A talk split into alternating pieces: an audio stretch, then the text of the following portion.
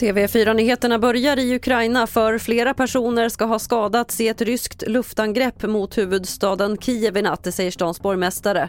Flyglarmet ska gått flera gånger under natten och de som bor i Kiev har uppmanats att söka skydd.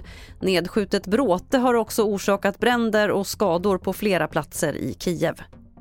Antalet avrättningar i världen ökar markant, detta enligt Amnesty International. 20 länder med bekräftade avrättningar ingår i Amnestys årliga rapport och 2022 är ett dystert år.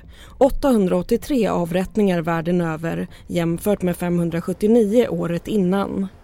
Kina, som egentligen saknas i statistiken eftersom siffrorna hemlighålls, ligger i topp eftersom tusentals avrättningar förmodas ske där varje år. Därefter följer Iran med 576 avrättningar, Saudiarabien med 196 och därefter Egypten och USA.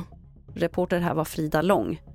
Och till sist kan vi berätta att svenskarnas medieanvändning låg kvar på rekordhöga nivåer förra året. Det här visar den årliga mediebarometern som släpps idag från Göteborgs universitet. Kriget i Ukraina, valrörelsen och flera stora idrottsmästerskap är orsaker som tros ligga bakom resultatet i undersökningen. Fler nyheter finns på tv4.se. Jag heter Lotta Wall.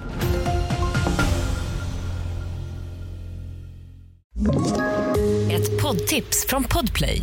I fallen jag aldrig glömmer djupdyker Hasse Aro i arbetet bakom några av Sveriges mest uppseendeväckande brottsutredningar.